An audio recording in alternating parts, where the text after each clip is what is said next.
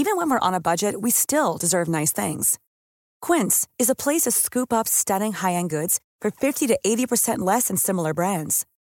They have buttery soft cashmere sweaters starting at $50, luxurious Italian leather bags, and so much more. Plus, Quince only works with factories that use safe, ethical, and responsible manufacturing. Get the high-end goods you'll love without the high price tag with Quince. Go to quince.com/style for free shipping and 365-day returns. Hey, I'm Ryan Reynolds. At Mint Mobile, we like to do the opposite of what Big Wireless does. They charge you a lot, we charge you a little. So naturally, when they announced they'd be raising their prices due to inflation, we decided to deflate our prices due to not hating you. That's right. We're cutting the price of Mint Unlimited from $30 a month to just $15 a month. Give it a try at mintmobile.com slash switch. $45 upfront for three months plus taxes and fees. Promo rate for new customers for limited time. Unlimited more than 40 gigabytes per month. Slows. Full terms at mintmobile.com.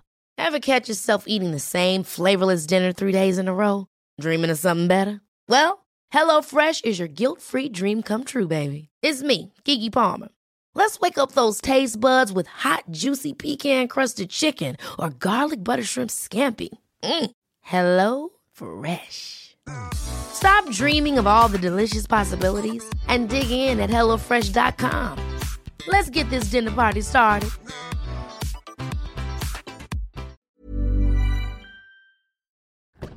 God morgon min lilla göttegumma! Vad fan är det här? God morgon på dig med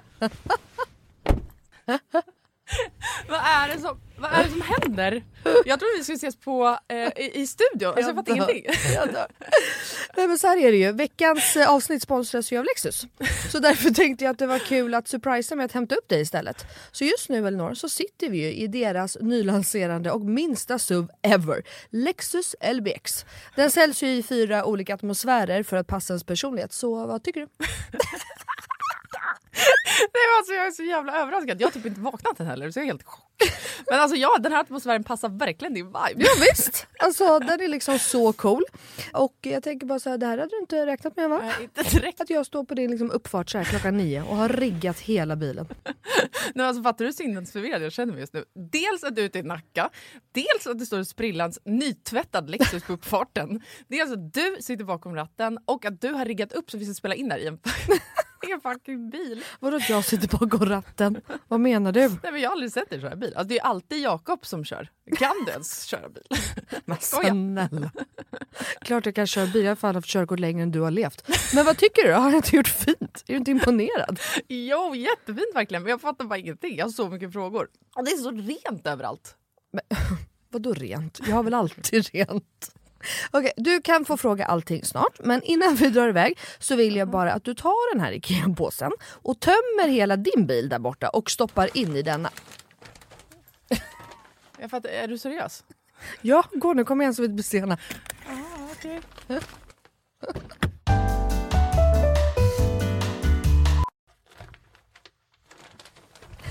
Alltså, vad, fan? vad fan ska du ha alla de här grejerna till? Jag fattar ingenting. Jag älskar det. Vänta, kör du nu? Ja, men ja, du får se snart. Kolla i handskfacket först, för vi ska köra en liten lek. Okej, men då måste du stanna först för jag kan inte ha alla de här grejerna. Jag når ju för fan inte ens handskfacket. Nej men sluta, det bara, vänd dig om och ställ dig i baksätet istället. Men gud shit vad stort det är här och vad rent det är. Har du alltid så här rena bilar? jag trodde att du skulle ha en miljard barngrejer typ. Men snälla, vi sitter ju i en SUV så klart det finns plats och självklart inte. Min bil brukar vara smutsig men inte massa grejer. Hatar grejer, det vet du väl? Ja i och för sig, men alltså what? Jag har alltid asmycket grejer i min bil men den är ändå alltid ren. Ja, jo tjena hörru. Men skitsamma, kolla handskfacket nu. Ja, Okej, okej, ja, en nässpray. Alltså jag kommer aldrig att använda din nässpray om det är det du tror att jag ska göra. Jag dör! Ta nu ett spray vet jag. Nej, vi leker nu. What's in my car? Va? Vad är det för... Alltså, jag, jag fattar ingenting! Vad är det här för lek? Nej men du är trenden. What's in my handbag? Ja nu fattar jag, såklart du vet vad det är. Men vänta, menar du att jag ska visa alla saker jag har med mig? Nej, alltså så här, vi behöver kanske inte gå igenom allt men ville bara liksom förtydliga hur olika vi är. Jag har liksom alltså bara typ en nässpray, eller okej flera nässprayer men oavsett bara liksom nässprayer i bilen. Okej men vad menar du då? Vart ska jag ens börja här? Eh, vad du vill. okej. ja. Alltså jag använder ju min bil som en rullande garderob. Men okej, några saker som jag alltid har med mig. Det är ett par platta skor och ett par högklackar. Ja, en sminkväska och alltså alltid en hårborste och ett par hörlurar. Sen har jag också, ifall du undrar, en klädroller, solglasögon, paraply, kavaj, filt och så vidare och så vidare. Vänta, vänta, vänta, vänta, vänta. En- v- Vadå en filt? Det hade jag i och för sig kunnat tänka mig, men filt till vadå? Bland annat torkar jag Bruno med den. Eh, Och en handduk? Frågetecken. Vad fan har du, alltså, vad menar du? Ja, det är såklart att jag hade kunnat ha det. Men jag har en filt till det. Okej, fortsätt. Du har säkert massa mer grejer. Jag kan rabbla grejer, men då kommer det ta flera timmar Lina. Okej, men gör så här då. Välj tre saker till då som du alltid har med dig. Okej, eh, snus, självklarhet. Våtservetter, självklarhet. Och sen har jag alltid, alltid, alltid en vattenflaska som jag kan dricka med en hand. Så jag slipper hålla på med en kork. Ja, okej. Så- Åh, du är så sjuk i huvudet. Du har verkligen ett helt liv med dig i din bil och jag har fan inte ett piss. Jag tycker att det är ännu sjukare att du har en sån här stor bil men att du ändå inte fyller upp den med grejer. Nej men snälla, jag fyller ju min med liksom mina barn. har du hur mycket barn jag har? Och snart en till. Och fattar du då också att Lexus har liksom massa SUVar som är ännu större. För som jag sa så är ju det här deras minsta SUV hittills. Och som jag tänker att du hade gillat. Ja, alltså den är superfin verkligen. Men alltså den låter ju ingenting när vi kör. Eh, Nej. Det är en laddhybrid eller? Ja, elhybrid. Men Ah, Lexus har eh, laddhybrider också. Och eh, det unika med den här då, Lexus LBX, är ju att den säljs i fyra olika atmosfärer. Elegant, emotion, cool och relax. Ja, just det. Det är så nice. Vi har i och för sig knappt pratat om det förut. Jag har så mycket frågor. Vad innebär det då med alla de här atmosfärerna? Ja, det vill du veta va. Men det får vi prata mer om nästa gång för nu är vi framme och du måste faktiskt hoppa ut innan jag parkerar. Okej, alltså det här är det sjukaste ever, men fan vad kul. Okej, vilken morgon Melina. Tack så jättemycket. Varsågod. Världens överraskning, jag är fortfarande helt i chock. Så nice att åka en helt splitterny bil. Kan inte du bara hämta mig varje dag hemma? Självklart. Jag har ju verkligen vägarna förbi Nacka varje dag. ja, ja. Tack för skjutsen. Tack, tack. Ses snart. Alltså din jävla galning. Uh, Okej, jag ska bara ta på mina glasögon så man kan hålla sig till sak. Mhm. För du ser ju så jävla dåligt. Lilla kärring där borta. Alltså alla hetsar mig. Igår var jag på events och folk fotade mig. Var du på events? Eller var du på ett event? ett event? Var jag på. Va? Mm, ja, inte med. Folk bara, ser du ingenting? Varför är du så inzoomat? Jag bara, nej jag ser inget. Vad ska du göra åt saken? Okej, nu kör vi. Jag ser inget, låt mig vara. Ja, men vad ska jag göra?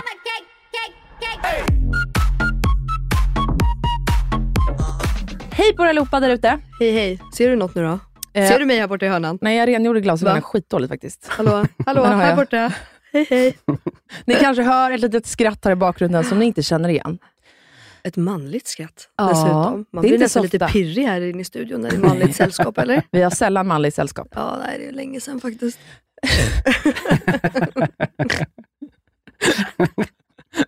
Vi är i alla fall Ja. inte själva här i studion idag, utan min nära vän, Ja. kaffekollega, Mhm. älskade, älskade, älskade David Ja. Svanfält. Välkommen till Inga beiga morsor. Välkommen! Så kul! Tack. Det är så kul att ha dig här. Jag känner liksom inte dig överhuvudtaget. Nej. Men jag stalkar dig på Instagram, det ska Ja. sägas. Ja. Jag eh, har ju köpt ett hus nämligen, Ja. som jag ska renovera. Ja. Det kommer bli likt ert. Jaha, ja.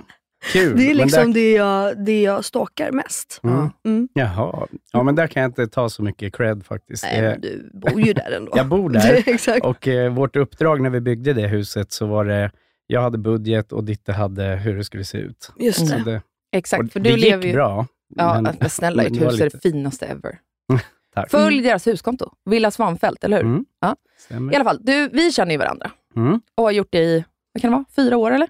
Ja, Något sånt, ja, det är fyra minst. minst. Ja. Eh, och David lever ju ihop med Ditte, din fru. Mhm. Eh, och Och ni är gifta.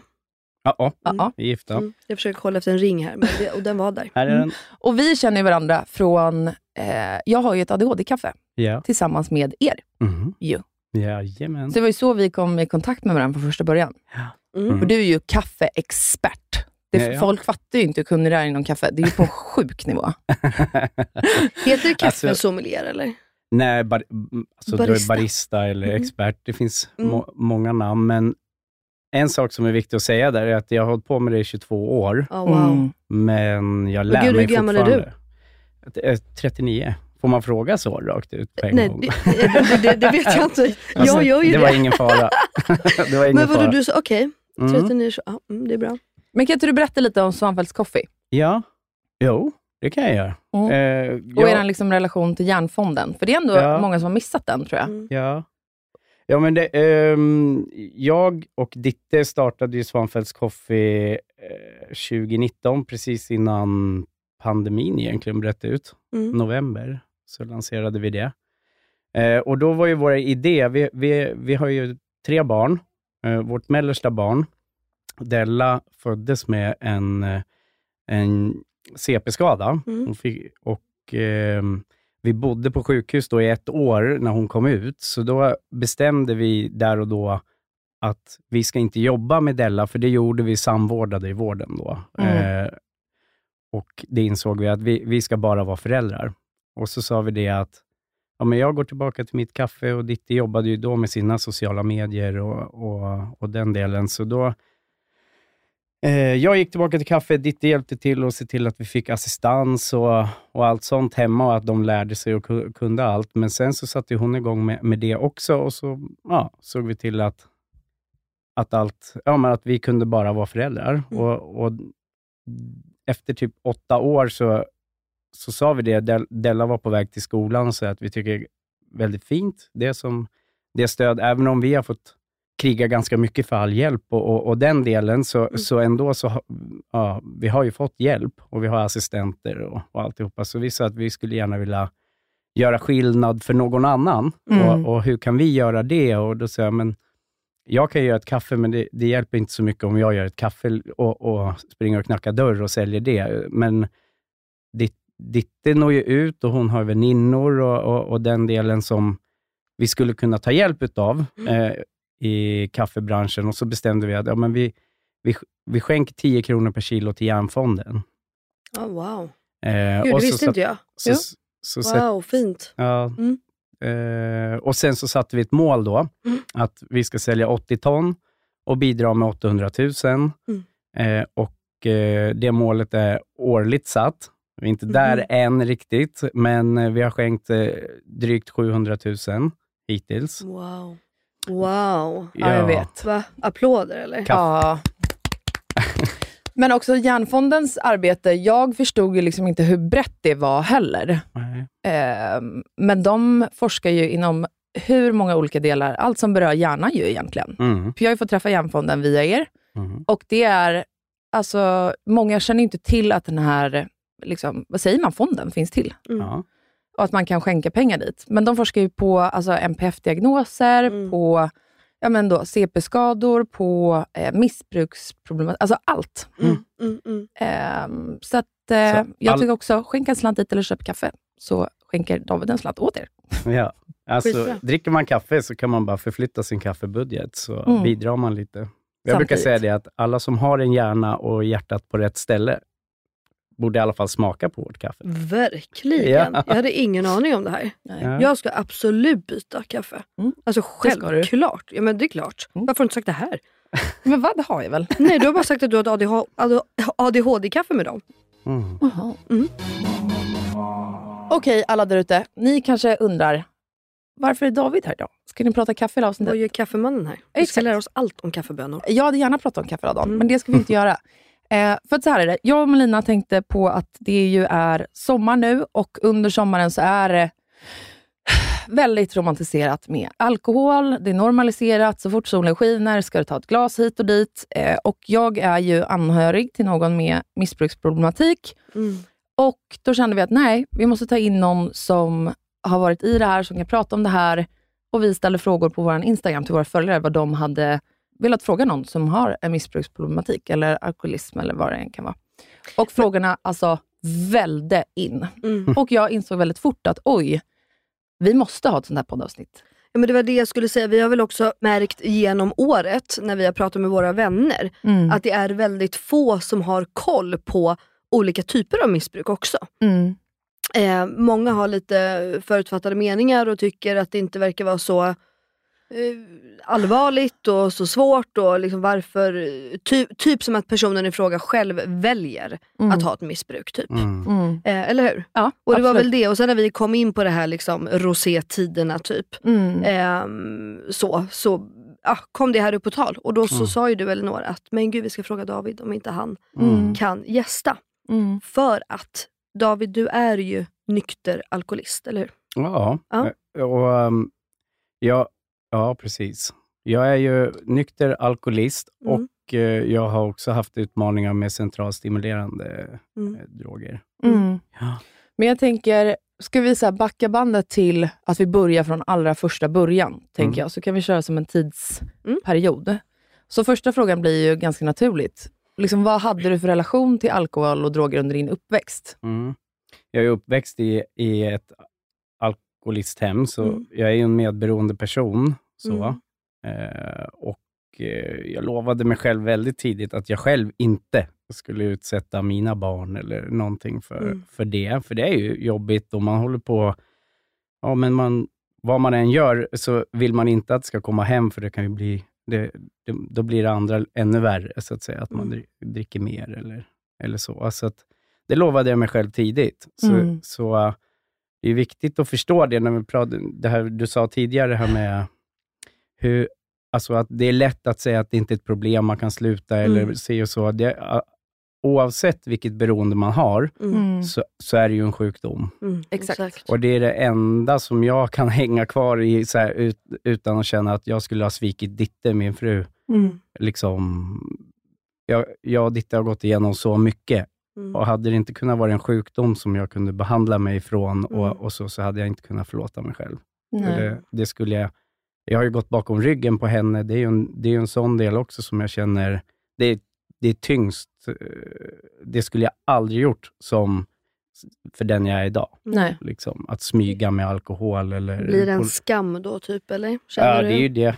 Mm. Alltså, absolut. Mm. Det är det är um, jag, alltså, jag skulle ju, alltså, det låter ju dramatiskt att säga att jag skulle kunna hoppa framför tåget för Ditte, för vi är ett team och, och jag älskar henne över, över allt annat. Mm. Och, och att då svika den personen, Mm. det blir ju ganska svårt att förstå. Mm. Alltså, Såklart. um, och, och i och med det så är det ju på ett sätt oförlåtligt om det inte var en sjukdom. Mm. Så att vissa drabbas av den och, och andra klarar sig helt Ja, fint. mm. Sen har man ju, det är ganska många diskussioner kring det. Mm. Vad är alkoholism? Och, ja, Just jag det. har inga problem, eller, Just men det. alkoholism går ju genom alla klasser. Mm. På, vissa, Ja, på vissa, exakt. vissa håll kan man ju mer tydligt se det. Gud ja. ja men jag tänkte vi skulle komma in på det, för jag Ja. tycker att det finns, man har ju också en del som, alltså finalkoholister inom situationstecken.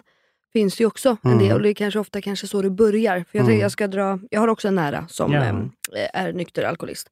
Men, men berätta, du, du levde då i en familj där det Mm. var, my- var det både mamma och pappa som drack eller var det Mm. Mm. så? Ja. Mm. Nej, det var båda. Ja. Jag skulle, Och- jag skulle säga att hela familjen har en osund relation till alkohol. Mm, Eh, mm. Så det smittar ju av sig och det är också ärftligt. Mm, ja men Okej. exakt, för jag, jag vet ju att det är ärftligt. Mm.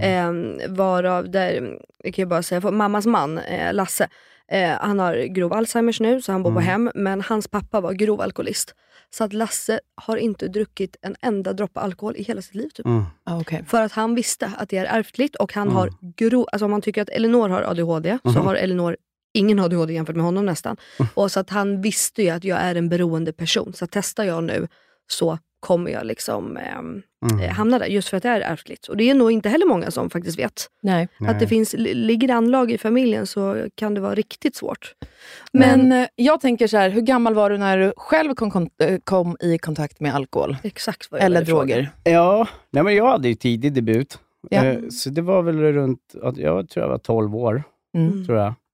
Så det där, det där är ju något man döljer när man är aktiv liksom i det, att man tänker inte på det. Men Mm. när jag ser min dotter som är 16 idag, så tänker jag så här, det går inte. Men, men jag var igång vid 12 år. Mm.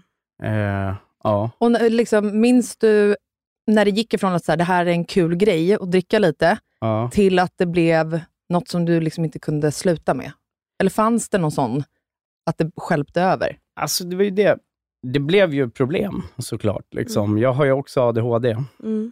Eh, och eh, jag var, var väl den, den som kanske inte funkade bäst i skolan och sådär, så jag hamnade ju direkt liksom i, i, i en miljö med likasinnade. Mm. Så, så det var väl ganska tidigt ändå, 14-15, så var jag fullt igång då, till exempel med, med röka gräs och, och dricka Mm.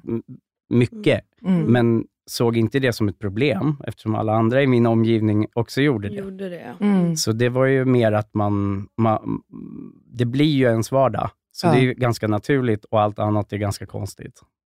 Men får jag fråga då, var det här bara, alltså när du var så ung, var Mm. det bara på helger eller gick det liksom fort till att det blev liksom ett dagligt bruk?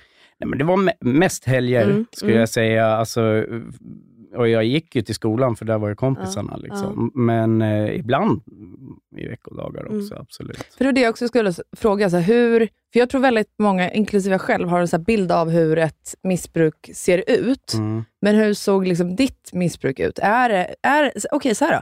Är ett missbruk, är det att man, eh, man kanske inte alltid liksom dricker, det är bara någon gång då och då, men när man gör det så spårar det ur? Eller är det att man sitter och dricker ensam hemma? Eller är det att man dricker varje dag? Eller är det mängden som liksom gills? Alltså hur, hur var Ja. det för dig där? Alltså jag har ju inte sett mitt missbruk själv, alltså, men hur jag gjorde så var det ju i stort sett alla fester, allting som går någon, någon gång att eh, liksom addera till alkohol eller något annat för den delen då, eh, så har jag gjort det. Jag har aldrig varit nykter Nej. och inte sett det som ett problem heller. Mm. Och Det kanske man inte gör när du är ung, 14 upp till ja, men 20 år. Mm. Men eh, så här nu i vuxen ålder, och jag behandlar mig i vuxen ålder också, men, m- men jag hamnade ju, när det blev uppenbart, då var det ju att jag hade köpt lite kokain och polisen tog mig. Och det får man inte ha på sig, helt Nej. enkelt. Så jag fick eh, ett fängelsestraff där. Och då, Och hur långt, liksom, hur många år då från debuten är det här? ja, Hur gammal var du? om jag börjar med alkohol när jag var 12, så det här är ju ru- runt 20. Ja. Ja. Mm. Så, så det, jag har på, det har pågått en stund då. Exakt. Eh, så, så, men ändå, liksom på något sätt har jag ändå harvat mig fram och funkat i samhället. Mm. Alltså, Mm. Även om jag har varit en stökig person. Så. Mm. Så du kunde liksom ändå dölja det för många utåt? Ja, ja. Och vad, vad gör man då för att dölja det? Vad gjorde du? Hade du Mm. några så lögner som du visste funkade eller? Ah, Man håller sig smyga med undan. eller? Man håller sig undan och, och, och eh, leker med likasinnade. Liksom. Men sen så är det så att man, hur många går och tror att någon har tagit något no, centralstimulerat när man träffas mitt i, i en Nej. vardag heller. Det, det är ju det. Det, Mm. så det, det är inte så ofta man, man behöver dölja det om man är i det. Liksom. Det blir ju ett naturligt beteende. Kunde du, alltså nu när du har blivit äldre, Mm. eh, eller kanske redan då, kunde Mm. du känna att det var skönt att bli tagen? Ja. Mm, Fantastiskt. Inte Ja. då. Då var det ju liksom, wow, det här är en blixt från klar himmel. Ja. Jag tar inte droger och jag dricker. Alltså, Mm. Det var ju liksom bara taggarna utåt. Mm. Och det är ju beroendepersonen som, som håller på och säljer in en ny story här. Mm. Liksom, Mm, så. såklart. Men eh, då var det ju liksom, ja, ska jag ha körkort kvar och du vet alla de här Mm. sakerna, så då, då är det bara liksom krypa till korset. Och då fick jag en kort med kriminalvården, sån här kort liksom, utbildning om alkohol. Mm. Eh, och sen så fick jag lämna prover i nästan två år, tror jag, för körkortet. Ah, Okej, så det blev liksom straffet för att du hade kokain på dig? Ja, och så, och, ja. Mm. Det, det, alltså, det är följden för att få ha ett körkort. Just Så. Ah, så, ja. så straffet var, eftersom jag då gjorde prover och allt så, hade ett jobb och, och de där fungerade i vardagen, så fanns det inget annat att ge. Normalt så i Sverige så ger man ju alltså en, en, ett straff för en per, för person som kanske behöver ge, mer hjälp Mm. in i samhället eller Mm. dylikt, så kan man få ja, men, provjobba någonstans, eller ja, det det. vad kallas samhällstjänst. Sam, exakt. Ja, det. men jag hade ju jobb och skötte alla de delarna, så då fanns det inget annat än att ge fotboja till mig. Mm. Okej, så du fick fotboja Ja. och sen så då lämna urinprov i två års tid? Ja. Mm. Mm. Och det gjorde ju att jag, då kom jag ur det. Mm. så Och du säga. gjorde det? Ja, jag kom ur det och det var, det var ga, ganska länge också, höll jag Mm. på att säga. Så det var, det var bra, men jag lämnade aldrig riktigt alkoholen. Eh, Nej. utan den följde med efter det också. Mm. Men, men sen hände det en ganska så, så, så, eller en väldigt jobbig grej för mig, Mhm. som, som gjorde att, ja, men av olika anledningar, så var jag hemma ganska mycket och eh, kom tillbaka till Ja, men jag var, hade inget jobb, jag hade gjort lite olika, hade sålt ett företag och satt lite sådär, ja, stilla och gjorde ingenting. Och också en väldigt stor sak för mig privat, som, som jag var väldigt ledsen över. Och, och då träffade jag mina gamla vänner och, och lite sådär, och då fanns det på bordet, liksom igen. Och Droger? Ja. Mm. Och då var då gick det fort. Och det är här som är liksom det som är det är det som är beroendepersonen, sjukdomen i, i alkoholism eh, och om man, droger eller vad, vad det än är. Så att, jag kan inte säga nej, fast det, absolut viktigaste av allt är ju att inte Hålla göra det. Får jag fråga, när du säger att du träffade dina gamla kompisar, Mm. var det att du bara liksom, eh, stötte på dem eller var det att du aktivt drog dig till dem för att du visste någonstans undermedvetet? Nej. Va, nej, utan Nej. det bara Ja, blev? Ja. Det blev, eftersom jag inte då hade min vardag Just det, fullt just normal Ja. som den var och att jag var ju lite under isen liksom, Mm, mm. eh, som det var, så då var jag inte jättestark. Alltså. Eh, och, ja, så då drog jag dit och så...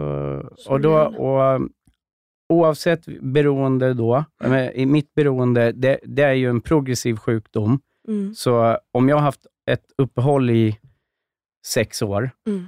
och så gör jag det igen, så då kommer ju hjärnan ihåg det, liksom att det här är ju rock'n'roll och nu är det bara gasa. Och så då går det på två sekunder så är du tillbaka. Mm. Och då, där och då står jag i en helt annan situation i livet, Mm. skulle jag säga. Då har jag ju liksom fru och alltså alla de här delarna och, och det var ju inte jättebra. Nej.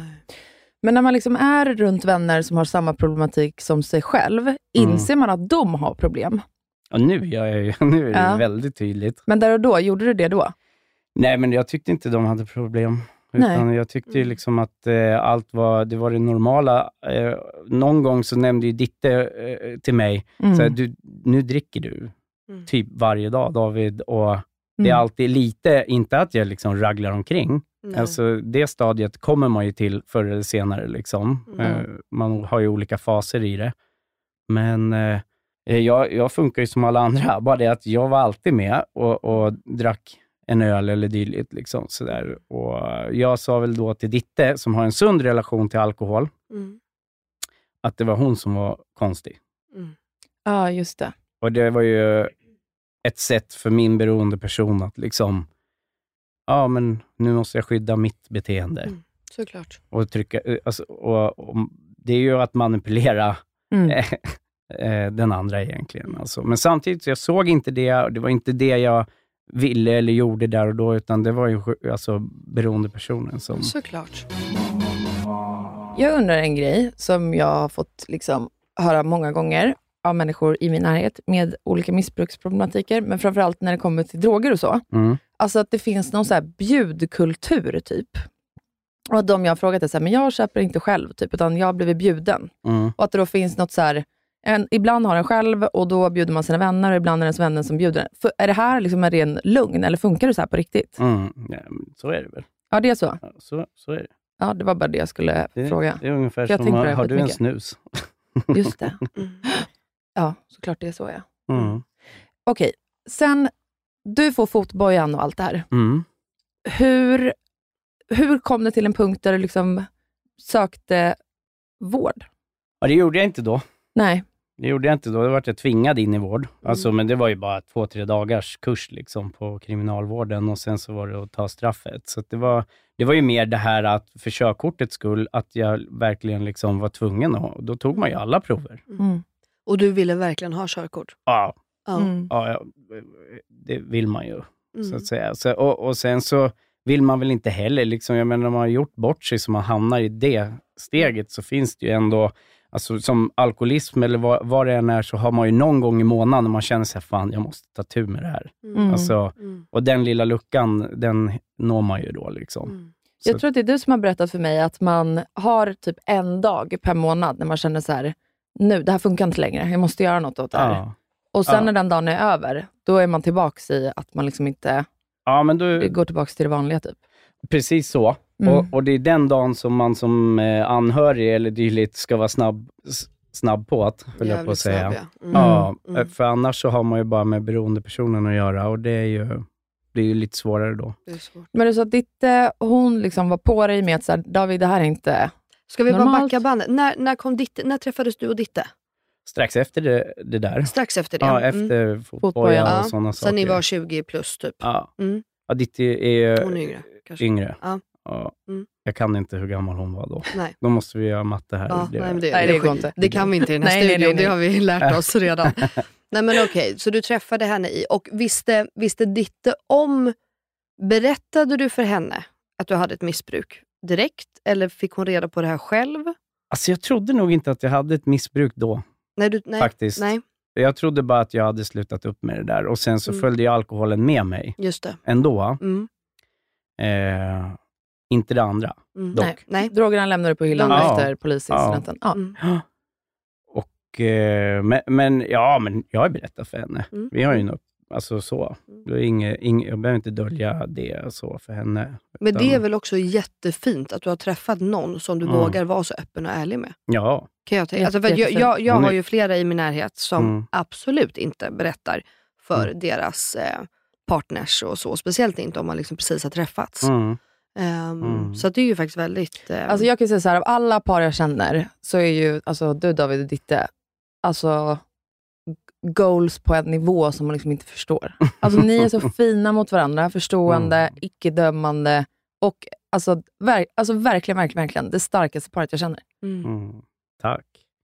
Men jag tror, för det måste jag ändå hålla med om, men jag tror, jag tror att, att mycket också Della har stärkt våran relation. Vi fick Mm. Della ganska snabbt. Och Mm. De, Della är ju vår dotter som är anledningen till Svanfeldts Coffee, som vi nämnde i tidigare, men också, eh, hon var ju svårt sjuk. Mm. Och där har vi liksom verkligen eh, teamat upp på en helt annan nivå. Man utsätts ju för ganska mycket. Och, Mm. och man, man får ju också, ja, men man får, ja, vi pratar, pratar om allt och hjälper varandra på olika sätt. Ibland kan man ju kanske inte riktigt förstå sin partner, hur Nej. den agerar i ett visst beteende och så, men ja, då får man, ju- man får ju ha, sätta sig i helikoptern Mm. och se.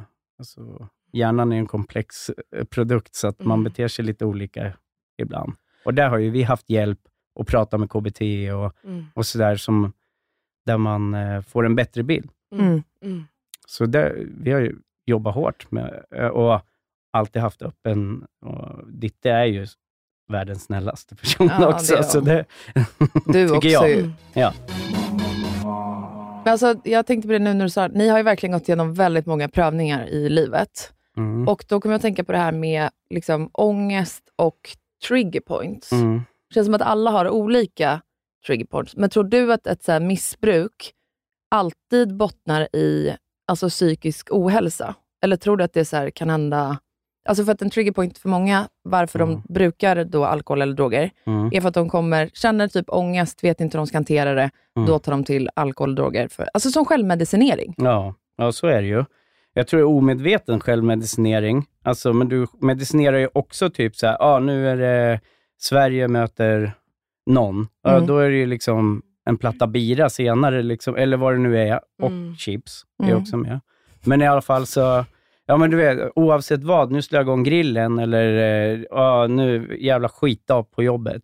Alltså, Mm. så här, det- eller, så alla känslospel trattas ner till att man ska kunna ta en bärs eller man ska ta ett järn eller vad det nu det. än är. Liksom. För, för den har jag ju sett på ganska nära håll. Mm. Folk som är värda det. De vill alltid liksom Ja. bottna ner det till att jag är värd det här nu. Exakt Ja. som du säger. Mm. Nej men idag firar jag, nu är det speciellt för idag är det Sverige-England. Mm. Exakt så. Mm. Eh, Men idag, jag har haft en skitdag på jobbet så att jag är värd det här glaset. Jag Mm. har haft en, eh, jag har gjort värsta kampanjen med jobbet så att jag är värd det. Och bara den, jag brukar försöka tänka att så här, måste du förklara det, alltså måste du försvara att du ska dricka, så känns det ju någonstans att man kanske är på väg mot ett problem om man inte redan är det. Mm. För jag skulle bara säga att jag vill ha ett glas vin, då dricker jag ett glas vin. Mm. Alltså det är inte mer än så. Mm. Ehm, men just de, och de har ju faktiskt till slut visat sig att det är inte jättesund relation till alkohol. Nej. Eh, just när du hela tiden måste liksom, eh, ja, men att man måste försvara det. Mm. Alltså, och det är väl samma sak i livet med allt tänker jag. När man går till försvar och måste försvara någonting väldigt mycket, då känner man då är det nästan någonting personen i fråga har att dölja. Ja. Alltså, det är någonting som liksom händer. Men vad blev vändpunkten för dig för att bli liksom helt nykter? Ja, det är tack vare Ditte. Ja. Ja, det, det är faktiskt inget annat. För jag var ju så aktiv i det då liksom, och det blev, gick ju från noll till hundra. Mm. Liksom. Och det är ju det som är... Hjälpen eller att du Eh, åkte nej, ner hur jag triggade igång. Alltså, Ja. så här, visst, jag drack ju alkohol, men sen så stötte jag ju på det där igen, alltså med centralstimulerat. Och, och, då, då, då bara, och, och jag försökte liksom ta bort det, för det fattar jag liksom, efter den här gången med, med polarna. Det här kan inte jag hålla på med. Liksom. Då, man tänker att ja, men det här, nu, ja, en gång, ingen gång. Mm. Ja. Men det blir inte så. Nej. Inte med mig och inte med beroende personer överlag. Och vad gjorde liksom Ditte då? Eh. Från att hon sa så här, David det är lite väl mycket nu här. Aha. Hur lång tid liksom pågick det tills att hon bara, nu räcker det? Eh, Ditte visste inte om det centralstimulerande, så det är bland det värsta som finns, att jag liksom dö- döljde det. Mm. Hon såg ju bara alkoholen och jag försökte hela tiden få bort det andra. För det var, skulle inte vara där. Alltså jag Nej. ville inte heller det, men det gick inte. Och då eh, så kom ju hon på mig en gång med det där. Och då eh, så sa hon bara att ja, du, du måste ju få hjälp. Vill du berätta hur hon kom på dig? Ja, hon kom på mig bara äh, med eh, en påse, Ja. helt enkelt. Ja. Mm. Ja. Så det var... Och då var du liksom, du Ja, la var- dig platt då och bara, Nej, nej, beroende personen var, var där och försökte rädda upp det, men det var, det var inte det är din påse. svårt. Och, Ja, det var inte min Jag skulle påse. precis säga, blir man som en tonåring då, ni vet när man ljuger för sina föräldrar. Det är inte mitt, det är inte jag, det är min kompis. Alltså, eller ja, hur blir nej, det? men man blir ju, det, det är ju en sjukdom och jag Mm. skä- skäms alltså, där och då för mig själv, men det är en sjukdom. Så Mm. det är inte jag som person som står och ljuger för den jag älskar mest. Liksom. Och det, det är viktigt för mig. Såklart. Att, att, Men jag tror också att det är viktigt för lyssnare mm, att förstå att det är så. mm. Exakt. Eh, för att jag tror inte att de eh, fattar. Inneb- alltså, det, det är som att vissa liksom tror, ja, men typ som att så här bara, "Men du vet ju att du inte ska göra det, så varför gör du det? Är bara låta bli. Mm. Ja, jo, det är ju lätt. Då, Mm. alltså, ibland har jag ju lust att svara så här, "Ja, men du, varför går inte du och tränar? Det är väl Mm. jättelätt. Gå, alltså, Ja. det är som att man tror att det ska vara, alltså allting har ju liksom sin, Nej, men det är ju som att säga till någon som har ångest att nu får du ju fan ha ångest. ja sluta, exakt. Så. Exakt. Exakt Så så. eh, det, det är ju lite orättvist på ett Mm. sätt, samtidigt som det är hemskt för till exempel Ditte Mm. att leva med det. Såklart. Liksom att ha en beroende person Mm. runt om sig. Liksom. Mm. Och försöka hitta det på ett trevligt sätt, att säga till mig att nu dricker du lite för mycket. Nej, det är du som dricker för lite. Mm. Eller, ja, du vet, så börjar den argumentationen. Just det. Eh, ja, men du vet, det blir bara... Det kommer ju ingen vart. Nej. Men är hon så lugn som hon eh, verkar på Ja. social... Ja. Så att hon har liksom alltid bara varit alltså, snäll inom citationstecken mot dig? Eller hon har liksom aldrig... Eller har hon satt ultimatum? Att Ja, så här, gud, ja. ja. Alltså, Ditte är, är en snäll person, Mm. rakt igenom och eh, skiljer inte på någon, någon gång. Utan eh, hon är så, så, som man ser henne, men hon ställer också krav på sin Mm. omgivning. Ja. Liksom. Att, och, så det, det, hon, är, hon är, som jag brukar säga, lite av min ryggrad. Så jag Mm. brukar gå till henne om jag är lite osäker på någonting. så då är det vad henne. fint. För, ja, men så det, absolut, så det är ju Ditte som, som sa, för det funkar ju inte. Det Mm. Ett, eh, ett missbruk är ett missbruk, så Ja. det behöver ju behandlas, så att säga. Exakt. Så det... Det var det jag skulle fråga. Då när Ditte var så här, nu räcker det. Mm, Du sa att Ditte var vägen ut ur det här. mm. Var det då att ni på egen hand satt liksom hemma på kammaren och pratade om det här, eller var det att hon bara, nu tar jag med dig hit till det här stället? Eller? Ja, nej, men så, illa kanske det inte hade hunnit blivit, liksom, så, så, så man behövde liksom skicka in mig på avgiftning. Eh, eller sådana saker. Men däremot så, satt, så insåg man ju liksom att jag behöver ju hjälp och förstå. För att det är inte, jag är inte, alltså det är inga problem, jag kan sluta. Mm. Eller jag kan göra si eller så. Liksom. Det är ju så hela tiden tankarna går. Mm. Så eh, det var det bästa som, som jag gjorde. Jag gjorde ett test egentligen Mhm. och det höll jag på att ljuga om. så första gången gjorde jag det själv och då satt jag och, och svarade och hade inte jätteproblem. Ja, i Men- telefonen. Då satt Ja, du och ljög Ja, exakt. när frågorna kom Sorry, upp. jag bara visar hur jag Så här, gjorde. hur men- ofta dricker du? Du bara, mm, aldrig. Ja, Ja. typ så. Men vadå, vad och var det sen för satt jag och Ditte tillsammans. Ja, men det finns ju så Ah. alkohol, det finns ju till, alltså, nu, du gjorde säkert något mer avancerat, men det finns väl till och med typ på så här Systembolaget. Ja, du, men- du kan liksom göra... att- IQ har väl sådana? Exakt, alltså så att jag kan... Jag, Var det något sånt du gjorde David? Ja, Jag, jag behandlar mig på Nämndemansgården Mm. eh, och de har ett sånt test. Eh, och det var då, ja men då får du lite frågor helt enkelt hur dina eh, liksom, Vanor. så. vanor ser ut exakt. Och, och då satt jag och gjorde det tillsammans med Ditte. Och då Och blev då, det lite då var ärligare det svar. lite ärligare. Liksom. Så, så först gjorde du själv Mm. och ljög eh, rakt ut egentligen. Ja. Och sen så var det Ditte som sa då att så här, vi gör det här ihop. Mm. Nu gör vi det här som ett team. Liksom. Ja, Mm. ja. Fan vad fint. Ja. Och Nämndemansgården, vad är det? Ja, det är ju en eh, behandlings... Eh, vad kallar man det? Alltså det där, Ett där behandlingshem, Man, ja, ex, Mm. ja, exakt. Men de har ju eller? flera öppna. liksom. Eh, Du, du har en öppen, som jag gick, eftersom då kan man jobba och man kan vara hemma och, och hjälpa till liksom, familjelivet, men det är ganska intensivt. Liksom. Så mm. går man som typ ett tolvstegsprogram. eh, Och, Ja, för det här är också en fråga. Hur liksom går en behandling till? Ja. Då gick du en så öppen Ja. vård, deras vård, vad säger man, plan för dig. Mm. Då, den var liksom öppen. mm, Och så finns den sluten och då flyttar man in där, eller? mm. Okej, ja, du gick en öppen då och då börjar det med, hur lång är liksom en behandling? Hur, om du kan så punkta upp, hur ser en behandling ut? Ja, det, det, ja, men det, ja, drygt ett år av min och sen följer den efter lite med Teamsmöten och sådana saker. Men det, en behandling är ju också unik, får man ju ändå säga. Liksom. Det, och jag unnar alla, även om, man inte... Jag unnar ingen att vara liksom, en beroende person, men, jag unnar alla en behandling. Mm. För du får ju verkligen gå, djupet, gå på djupet hos dig själv. Och alkoholism skulle jag kunna säga är likadant som ångest, liksom, Mm. eller vad det än är. Det är ett spratt i hjärnan som, som liksom triggar igång. Och, och att få gå så djupt i sig själv Mm. och få en större förståelse, det gör det så mycket enklare för mig idag att säga nej. Liksom, och, Mm. Så mycket psykologtimmar. ja. Ja. Mm. och också träffa andra likasinnade som, som gruppterapi. vill... Ja, Mm. det, det tycker jag är väldigt givande. Och det Mm. behöver man ju inte... Om man, nämndemansgården kost, kostade lite pengar, Mm. eh, men det finns ju, liksom, om man känner bara för att testa kan man gå på så här. AA-möten eller Just det. eh, det finns ju också om det är liksom centralstimulerat man jobbar med, så de är helt gratis och, och de, man gör plats för en ny om man vill gå dit. Liksom. Just det. Har du gått på sådana AA-möten någon gång? Det finns ju Eh. AN-möten också va? Anonyma narkomaner. Mm. Mm. Ja, det finns massa olika faktiskt. Så det finns ju också spelberoende, det finns allt möjligt. Liksom. Ja. Så, men men eh, nej, jag har inte gjort det. Eh, utan det var ju samma koncept med Nämndemansgården och eh, under min behandling eh, så gick ju Della bort. Och, och då kände jag att jag inte, nej, jag pallade inte riktigt. Och har ju liksom inte heller efter det känt att jag på något sätt har haft problem. Nej. Inte fått de här looparna, inte fått suget eller, eller något sånt. Det var många som var oroliga då. Liksom, att ja, men nu då? Liksom, nu händer det det. värsta som kan hända. Men jag hittade liksom mina whys kring det, att jag skulle göra någonting för det. Alltså att jag skulle gå tillbaka till ett missbruk på grund av, av henne skulle ju liksom...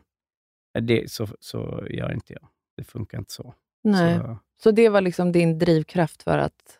Ja, hon ska aldrig få vara anledningen till att liksom jag går ner mig på något sätt. Mm. Förlåt, du är så Ja, fin. Du får ta det. Ja. Gud David. mm. There's never been a faster or easier way to start your weight loss journey than with PlushCare. PlushCare accepts most insurance plans and gives you online access to board-certified physicians who can prescribe FDA-approved weight loss medications like Wigovi and Zepbound for those who qualify. Take charge of your health and speak with a board-certified physician about a weight loss plan that's right for you. Get started today at plushcare.com slash weight loss. That's plushcare.com slash weight loss. plushcare.com slash weight loss. Hold up. What was that? Boring. No flavor. That was as bad as those leftovers you ate all week. Kiki Palmer here, and it's time to say hello to something fresh and guilt-free. Hello Fresh. Jazz up dinner with pecan-crusted chicken or garlic butter shrimp scampi. Now that's music to my mouth. Hello Fresh. Let's get this dinner party started. Discover all the delicious possibilities at hellofresh.com. Hey, it's Paige DeSorbo from Giggly Squad. High quality fashion without the price tag. Say hello to Quince. I'm snagging high-end essentials like cozy cashmere sweaters, sleek leather jackets, fine jewelry, and so much more. With Quince being 50 to 80% less than similar brands. And they partner with factories that prioritize safe, ethical, and responsible manufacturing. I love that. Luxury quality within reach. Go to quince.com slash style to get free shipping and 365 day returns on your next order. Quince.com slash style. Vi är återigen sponsrade av Ako! Nej men alltså det är så kul va. Mitt älskade Ako. Det finns ju fan ingen som har missat att jag älskar deras SPF-produkter eller? Nej, men samma här ju. Vi har ju pratat om vikten eh, om att skydda sig. Mm. Men framförallt i ansiktet. Men Ja. nu närmar vi oss sommaren så då tycker jag att vi ska lyfta deras nyhet Sun Gel Cream som kommer i både SPF 30 och SPF 50 för hela kroppen. Men alltså snälla kan vi bara prata om vilken mirakelprodukt det här är för oss som har svintorr hy eller? Alltså inte nog med att den är ultralätt och absorberas in snabbt i huden på sätt två röda. Utan den innehåller ju också hyaluronsyra. Alltså det är en av de bästa hudvårdsingredienserna jag vet. Så den återfuktar verkligen och inte torkar ut på torr som mig.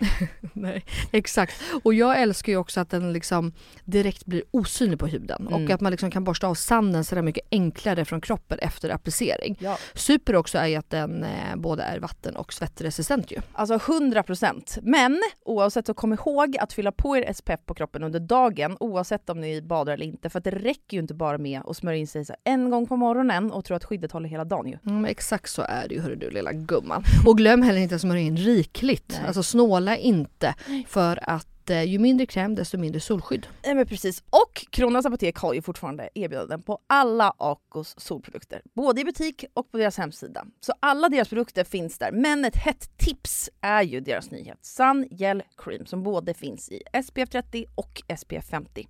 Puss och kram! Puss och hej!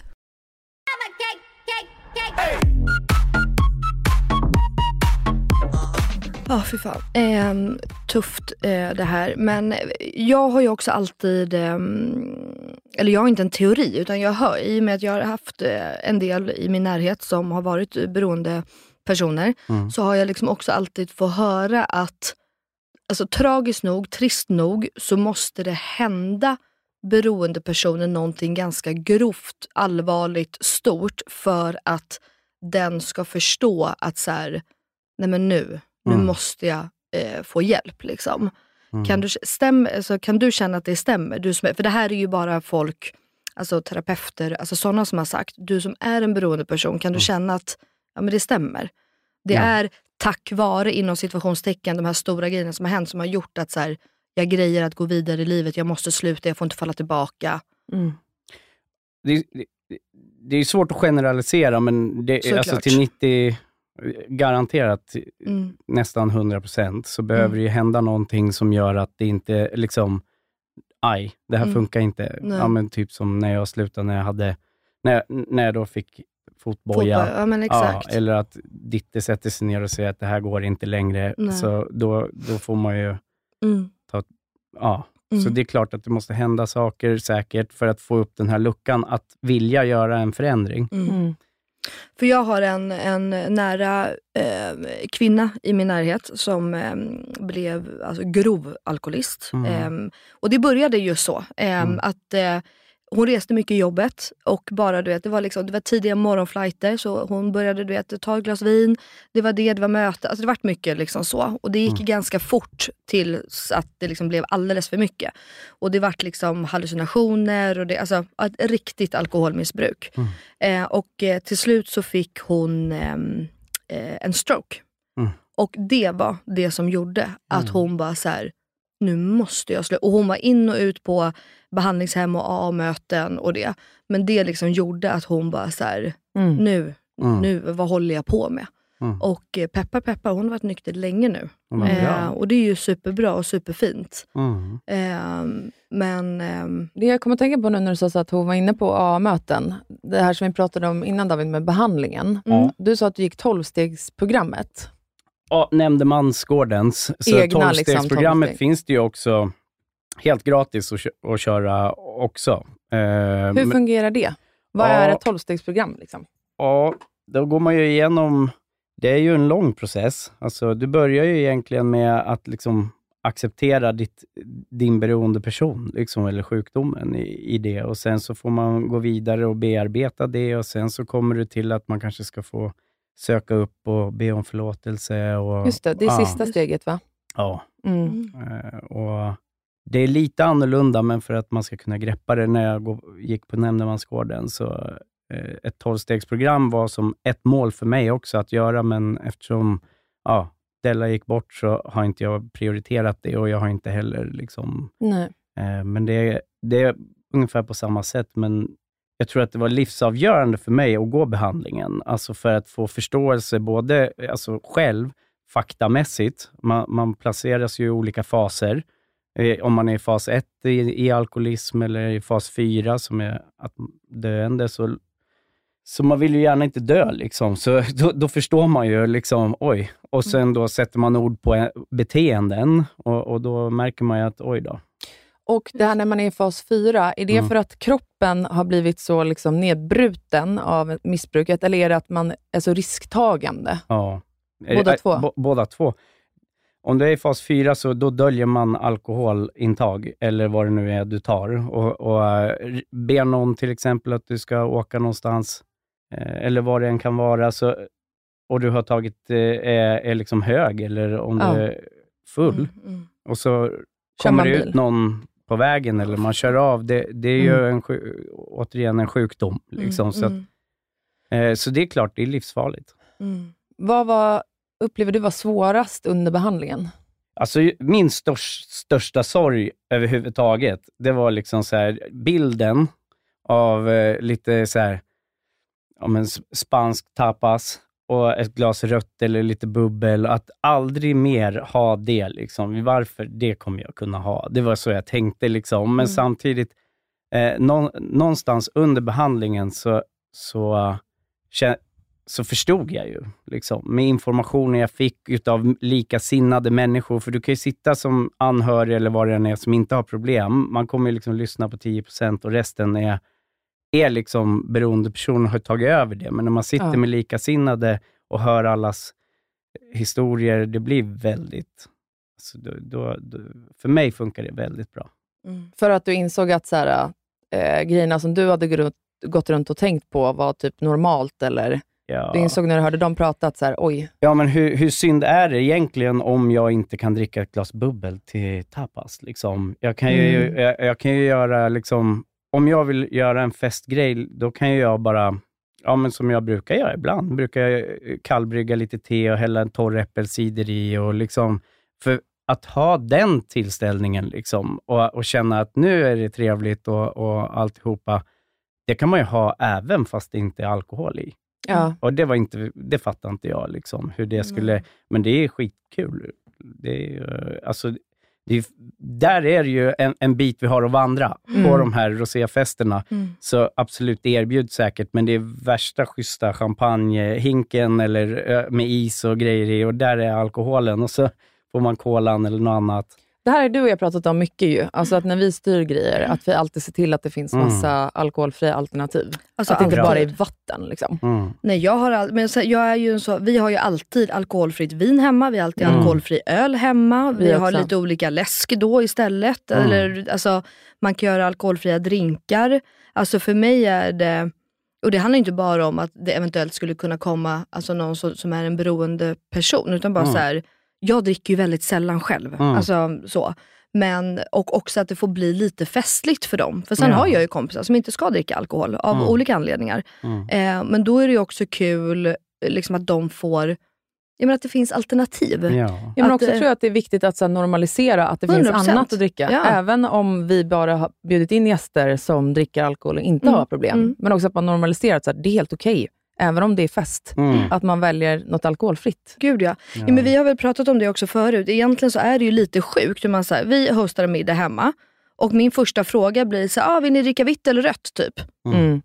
Varför är det så jävla självklart att vi ens ska dricka vin överhuvudtaget? Mhm. Egentligen. Fråga bara vad folk vill ha att dricka. Ja, alltså så här, vad vill ni ha? Vad är ni su- alltså, det är ju ah, det är jävligt weird eh, Mm. egentligen, Mm. eh, tycker jag. Eh, så. Men, eh, En men viktig sak bara, så jag vill slänga in, men, Ja. men för, för mig så var rådet från nämndemansgården att inte gå på alkoholfria öl och sånt, för att som hjärnan fungerar Mm. så triggar det liksom, Såklart. och så får jag ingen Ah. effekt. Alltså, så då, då helt plötsligt så bara, men, du ska ta mm, bort det helt. Ja, jag ska Mm. ta bort det helt, Mm. men inte festen. Man kan Nej. ta fruktsoda med frysta hallon, eller Mm. det finns massa roliga grejer man kan göra så. Mm. Men, men just, eh, just den delen kan vara... Mm. Ja, men det är bra och vet, alltså, bra också för anhöriga att Mm. höra, kan jag tänka. Hur liksom blev, när du blev helt nykter, Mm. hur har du upplevt att din omgivning har liksom hanterat det? Har alla varit liksom glada för din skull, eller är det de som... För så är alltså det finns ju alltid, så här, tycker jag, någon som så här tjatar på någon att bara, hallå, Gud ja. Va, måste du liksom, hallå, bjud till lite typ. Gud ja. Ja, Har du fått sådana kommentarer om att, så här, hallå, ska du aldrig mer, ska vi aldrig typ ha kul ihop igen? Alltså förstår du vad jag menar?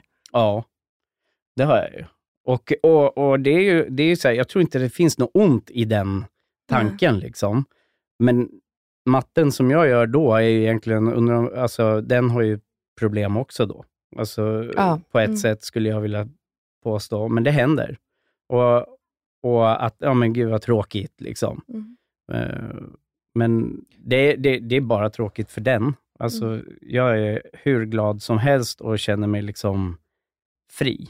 Så Mm. utifrån det så är det liksom det är den bästa känslan. Att Mm. liksom inte känna att jag måste fixa något eller Mm. dricka något eller, behöver inte ens fundera. Liksom. Nej.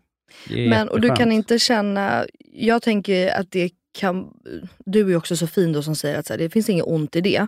Jag är ju då lite mer negativ lagd obviously och tänker ju bara att, eh, att mycket har att göra med att den personen också får panik inom situationstecken, att du har kommit någonstans och att man blir lite du vet vart jag vill komma Elinor. Hur Alltså att man vill normalisera sitt eget... eh, Exakt, att mm. man liksom vill dämpa sin egna ångest och liksom tycka Mm. ehm, ja, men att du har kommit längre. Mm. Men man kanske egentligen någonstans innerst innerst inne vill komma dit där du är. Mm. Men så vill man liksom dra ner dig inom situationstecken igen för att liksom normalisera sitt eget. Ja. ja, jag tror bara att det är en plump kommentar. Utan, Mm. Mm. utan liksom, men, men att diskutera med en som har ett beroendeproblematik om ja, vi borde alltså, att dricka eller vad det än är, det är ju no-go zone tycker Mm. jag. Alltså, för det Nej, är, ju- det är det. Ja, men, nej, men inte det så förstår bra. jag. Nej, men det Eh, förstår jag. men, men eh, jag, jag, tror, jag, tror, jag tror det är en sorg för vissa. Alltså, Mm. att, för att man har ju sjukt kul och beroendepersonen och min person är ju två olika personer Mm, också. ja. Så det, det är ju en ganska härjig kille. Mm. Såklart. Får jag bara fråga, då, se, hur har det landat? När du säger då, nej men nej tack det är bra. Mm. Så, det, alltså, det, hur landar det hos de andra? Ja, men det, det är lugnt. Alltså, Det är lugnt, det, ja. ja, jag, tror, jag tror det är klart att det kan ältas och att Mm. det kan liksom... Men då får man liksom tänka, de, de säger det, jag är inte, jag är inte troende, så, Mm. eh, men just det här med ge mig sinnesro, att Mm. acceptera det jag Mm. inte kan förändra Mm. och mod att inse skillnaden. Liksom, Mm. Den här personen förstår inte och har inte Mm. satt sig in i min situation, liksom, utan Mm. den bara är, den inte dum för det. Liksom. Nej. Men, men eh, så måste man tänka, tror jag, annars Mm. blir man ju förbannad. Alldeles för Jättebra. ofta. Jättebra. Och det här med, du pratade om ditt förut, att du hade ett umgänge där ni tog mycket grejer ihop och så. Ja, När du blev helt liksom ren och nykter, mm. kan, har du fortfarande kunnat umgås med de personerna? Eller har det varit att du behöver bryta helt? Jag bryter helt med alla Mm. som har någonting med, med det att göra. Och det, var ju, det var också en del i, i behandlingen, där man liksom fick, jag vet inte hur många frågor, men det var många, och så fick man grafer på ens triggers och, och fa, farozoner för att få ett återfall. Och då, då var det ju min, mina vänner, så att säga, som gör samma lika. Mm. Så nej, jag har brutit. Och då under liksom behandlingen, Mm. var det då, hur gick det här liksom brytet till? Var det att du bara gled undan, alltså så här strutsade och inte pratade med honom mer? Eller var, är en del av behandlingen att så här, ta det snacket? För det blir ju ett avslut, alltså det är ju en sorg ändå, Ja. att avsluta en, en relation med någon som man tycker om. Jo. Ville de då att du skulle ta ett snack med dem om varför ni inte kommer höras mer, eller var det bara... Alltså det säger de på nämndemansgården också, att, att eh, det är ju inte forever. Nej. Utan alltså, idag skulle jag kanske klara av att träffa dem om jag får välja tillfälle. Ja. Inte liksom lördag kväll när de alla gör något annat. Liksom. Om vi kunde träffas på en fika, men det, av naturliga skäl så har det inte blivit en fika. Nej. Liksom, för det intresset kanske inte fanns i vår relation. Nej. Så, så utifrån det, så kan man väl säga. Ja. Nu tänker jag så här. Eh, vi fick in väldigt mycket frågor från våra följare och många är ju anhöriga till någon som har en missbruksproblematik. Så jag tänker att vi ska köra, gå igenom deras frågor helt enkelt. Ja, jättebra. Så här kommer den första. Finns det något som du, David, önskade att någon hade sagt eller gjort liksom, innan du blev ren? Alltså när du fortfarande var i missbruket. Eh, Di- Ditte sa ju till mig på en gång, eh, när hon märkte, alltså, och, och diskuterade ju om alkoholen och, och, och den delen ganska flitigt. Mm. Men eh, hon gjorde ju det som man bör göra, alltså ställa krav. Och vad var det för typ av krav? Ja, att hon inte vill leva med en som har sådana problem, utan vi måste söka hjälp. Ja. Det, gick det då- så långt att hon sa liksom en ti, ett tidsspann? Att så här, Nej, alltså det var inget tidsspann. Det var, det var egentligen liksom, vi satt ner och diskuterade och hur hon vill leva sitt liv och hur, om jag vill leva med, med henne. Och så var det ett val. Mm. Och det valet blir ju enkelt. Och nästa fråga är om det finns något man kan göra som anhörig för att hjälpa? Eller måste personen vilja själv? Alltså man måste ju vilja själv. Mm. Alltså, till, till syvende och sist måste man ju vilja själv, men kanske när man är fullt aktiv i någonting, Mm. så kanske man inte vill själv. Men om man till exempel då kommer in och kanske blir avgiftad eller vad det än må vara, så kommer ju en lucka där någonstans. Mm. Men det, det är ju tyvärr, eh, liksom, man måste riva ett plåster någonstans på vägen Mm. och, och ställa ett krav. En fråga som inte är en lyssnarsfråga som jag kom på nu. Du har ju en ADHD-diagnos också. Mm. Och när man har det så löper man ju tyvärr större risk för att hamna i missbruk, Mm. åka in i fängelse, eh, bli utbränd etc. etc. Mm. Hade du din ADHD-diagnos under alla de här åren? Nej, Eller fått den på senare dagar? Senare. Okej. Mm. Tror du att det är en förklaring till mycket också? Absolut. Alltså Sen är det ju ärftligt och- och, liksom Ja, ja, ja. alla de där delarna, så det är ganska tydligt. Det är ju så här, raka streck genom, Mm. genom släkten så har ju vi det här. Liksom. Ja. Så att det, det, eh, men ADHD, ja absolut. Det är ju Ja. ett självmedicinerande främst då, till exempel med centralstimulerande. Det, Ja, och centralstimulerande, för er som inte vet, är ju i mina mediciner, till exempel, som jag äter för min ADHD. Mm. Okej, men finns, tillbaks till, det var bara en instickare. Mm. Tillbaks till följarnas frågor. Eh, finns det något som man inte ska göra som anhörig i liksom ren desperation för att försöka få någon nykter eller ren? Bra, bra fråga, men jag vet faktiskt inte. Om jag bara går, går från... Nej, alltså fi, finnas där. Det är, ju en, alltså, är, är man alkoholism eller... Det, det är en sjukdom, man måste se det. Men, men med det sagt så kan man inte liksom bara lägga dunkuddar emellan alltihopa, utan man behöver ju ställa krav. Ja. Okej, nästa. Många som skrev, eh, deras liksom föräldrar är alkoholister. Och de undrar liksom, hur tankeverksamheten går när de väljer alkoholen före sitt barn. Mm. Tänker man så, när man är nere i ett missbruk, att man, när man väljer alkoholen så väljer man bort något annat, typ då relation till sitt barn eller ett specifikt liv eller jobb? Eller är man så sjuk att man inte ser att när jag dricker och när jag tar droger så förstör jag för andra människor? Eh, jag skulle aldrig förstöra för mina barn. Jag Nej. skulle aldrig någonsin sätta mig före dem. Eh, någonsin. Eller min fru. Men det är jag, men jag gjorde ju det ändå. Så att man tänker inte så, utan det är en sjukdom och, och den måste behandlas. Alltså, Mm. Så är det. Eh, och, och Annars så blir det så av naturliga krafter, att man sätter dem i andra rummet, eller det blir eff- effekter på ens intag av alkohol eller vad som helst som sårar. Förstår man liksom att, man, att anhöriga blir drabbade av ens Nej. beteende? Nej. Nej, alltså, för då skulle nog jag tagit action. Liksom. Mm. Eh, Men man förstår ju inte det, för man är i det och det... Ja, nej. Och det är väl det jag tror är viktigt för lyssnarna. Ja. Ni, speciellt ni yngre nu som lyssnar och är anhöriga och kanske då har föräldrar eller så här. För det är extremt svårt, men ta det inte personligt. Nej. För det är ingenting personligt i det här. nej. Eh, utan snarare också kanske att ni själva går och får hjälp. Eh, Mm. För att det är väldigt svårt att vara en medberoende person. Ja. Eh, så. Och det är väldigt svårt att kunna stålsätta sig själv och inte ta det personligt. Speciellt om man är ett litet barn. Mm. Eh, så tänker man väl att varför gör mamma och pappa så här Mm. mot mig? Eller pappa eller mamma eller så. Men ehm, Ja, och jag går det ju alltså i anhörighets... Eh, vad säger man? Terapi. Mm. Eh, så att precis som det finns behandlingshem för eh, människor som liksom är sjuka i missbruk, så finns det ju för anhöriga också. Och det kan jag verkligen rekommendera alla där ute. Man får hjälp, kontakta din kommun eller liksom din... Mm. Så, eller bara googla. Mm. Och då får man hjälp med också så här gränsdragning. Ja. Och det är pissjobbiga frågor och så de tar upp, men som Mm. är sjukt viktigt. ja, men det skulle, jag kom på en fråga nu när du säger så och drar gränser och hela det här.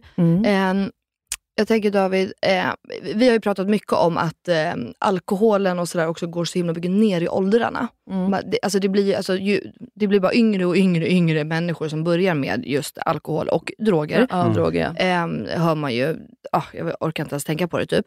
Va, som, som förälder, för nu har ju du också ändå egna barn och du har varit, vad, eh, när ska man se, alltså hur hård ska man vara som förälder och när tror du att så här, där är en varningsklocka på att det blir för mycket?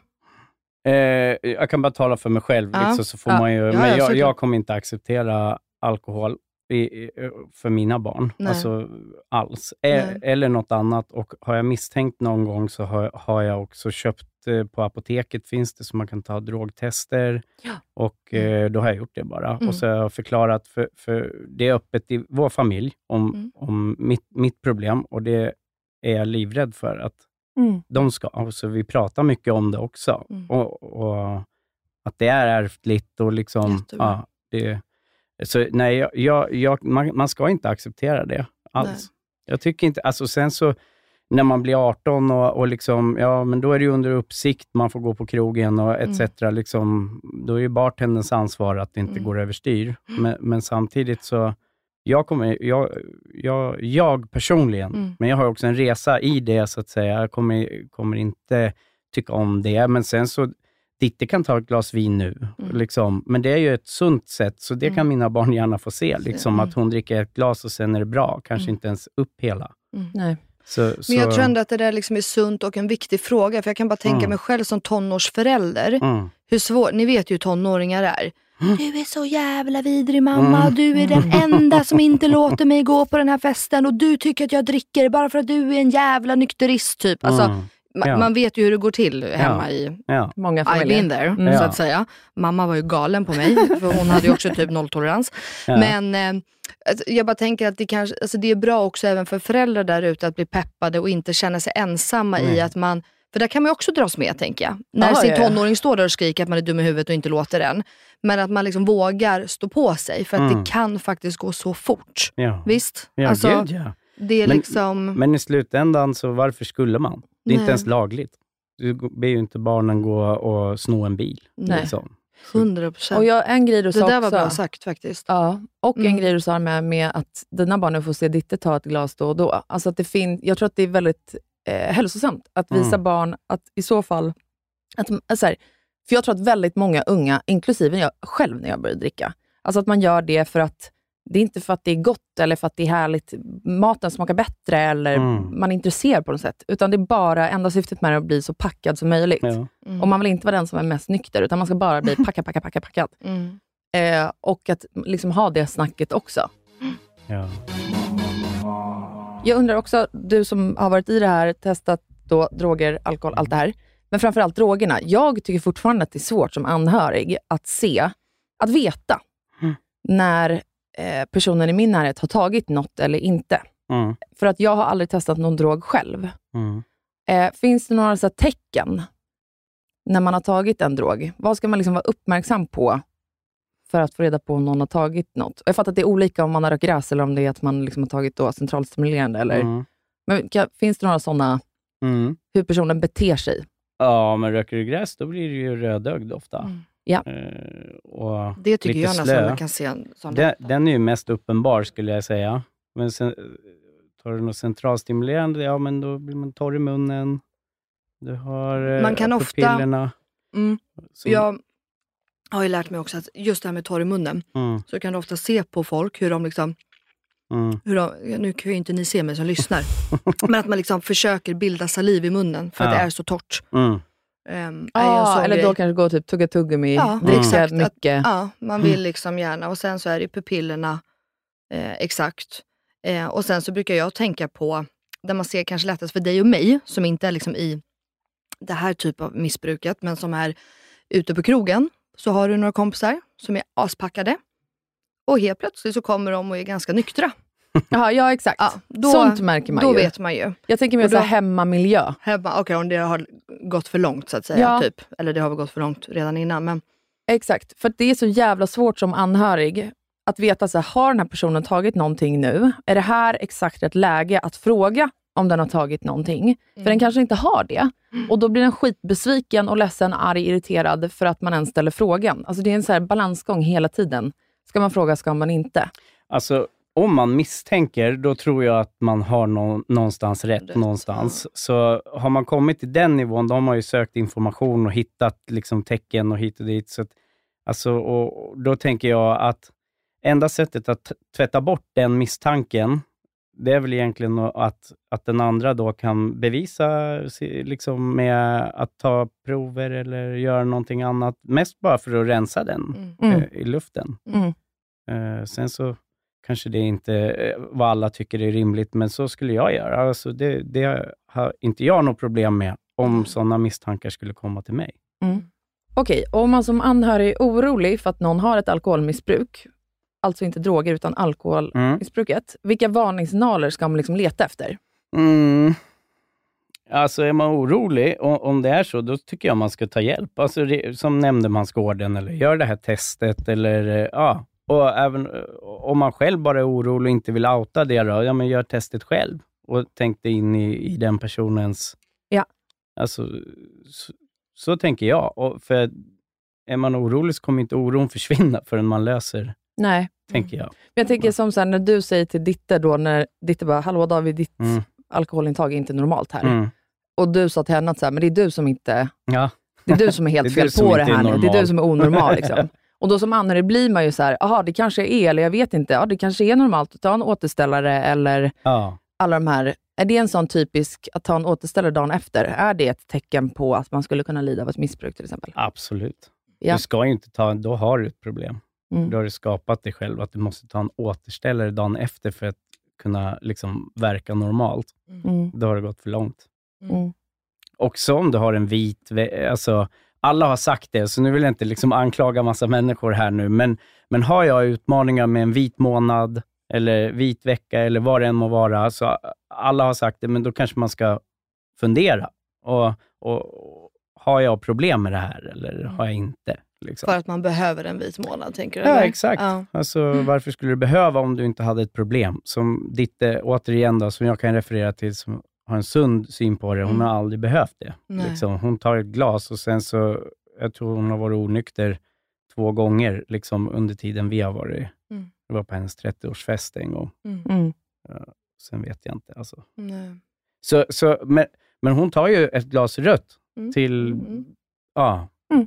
och ibland inte ens hela. Och, och, och det är för att det är gott. Ja. Mm. Okej, vad ska Mm. man som anhörig göra om man upplever att någon förnekar att den lider av ett missbruk? Antingen att den säger att det inte stämmer, eller ljuger om hur ofta eller hur mycket hen dricker. Vad ska man göra? liksom?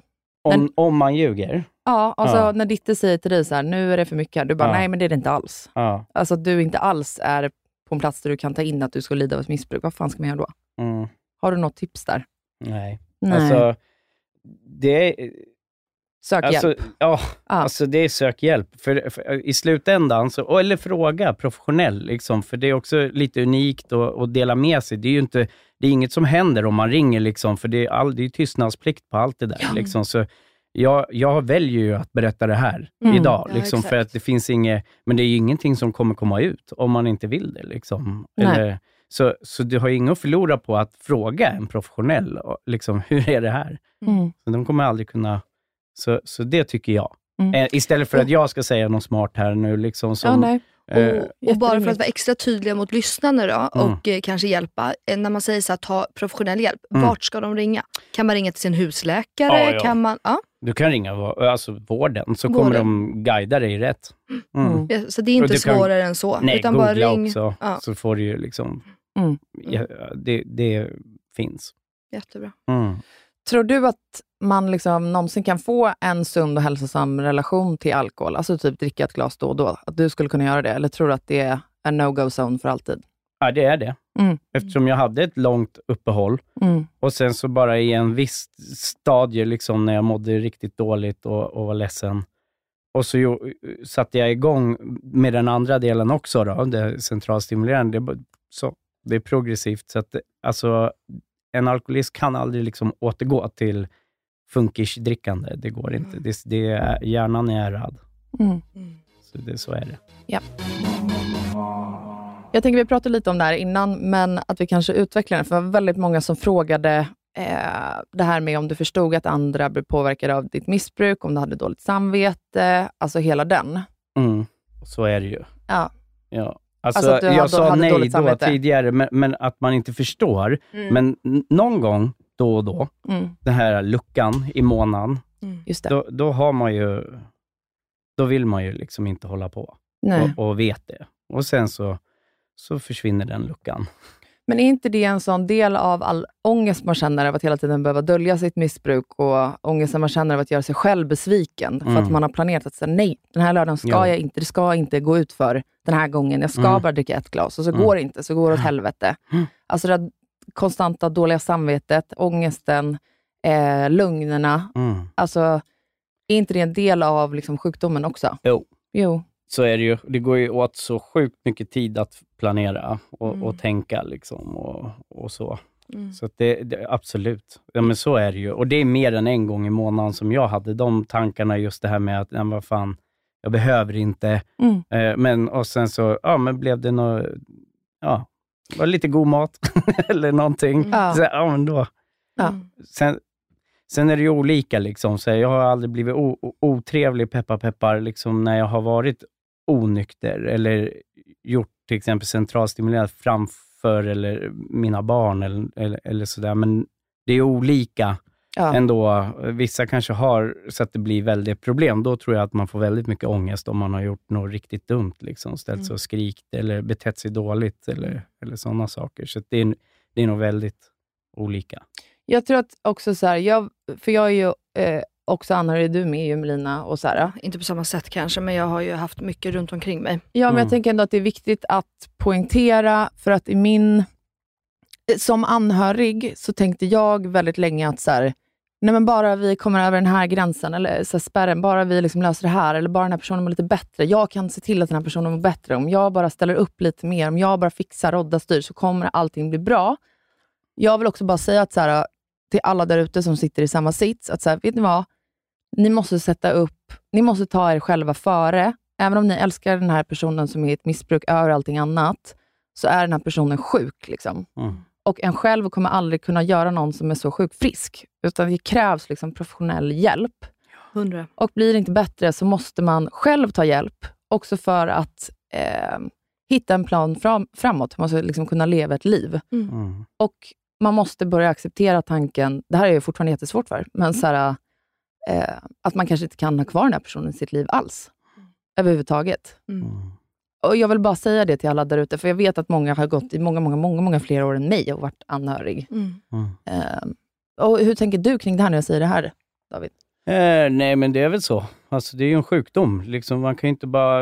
Alltså, cancer, vad det än är, liksom, det, det, man, det är bara att hoppas att, att... Då går man ju raka spår och behandlar sig om man får det, så att Mm. säga. Så, det, och, och peppa, peppa, hoppas att det blir bra. Mm. Liksom. Det är exakt samma. Mm. Liksom. Så att jag, det är tungt, liksom, men det är det. Någonstans måste man riva plåstret, för det kostar mycket på ens egna tid och, och Mm. energi och psyke och, Mm.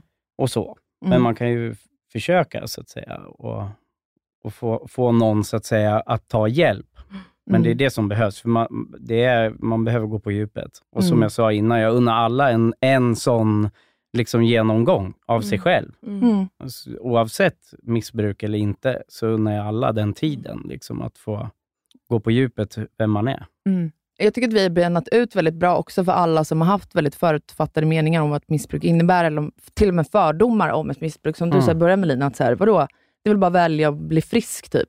Jo men det är lite så, jag kan ju också relatera till, Bianca Ingrosso är en av mina Mm. eh, absolut bästa vänner. Och Jag satt också och tänkte på det Ja, faktiskt. och hon lider ju av eh, bulimi. Mm. Och det är ju samma sak där, hennes följare är ju liksom, ja, men det, vissa är så nonchalanta och tycker bara att så här, ja men börja äta, sluta spy. Vad vad- vad är det som är så svårt? Du vet ju att det förstör din kropp typ. Ja. Men de förstår ju inte att det är en sjukdom, det är Mm. hon.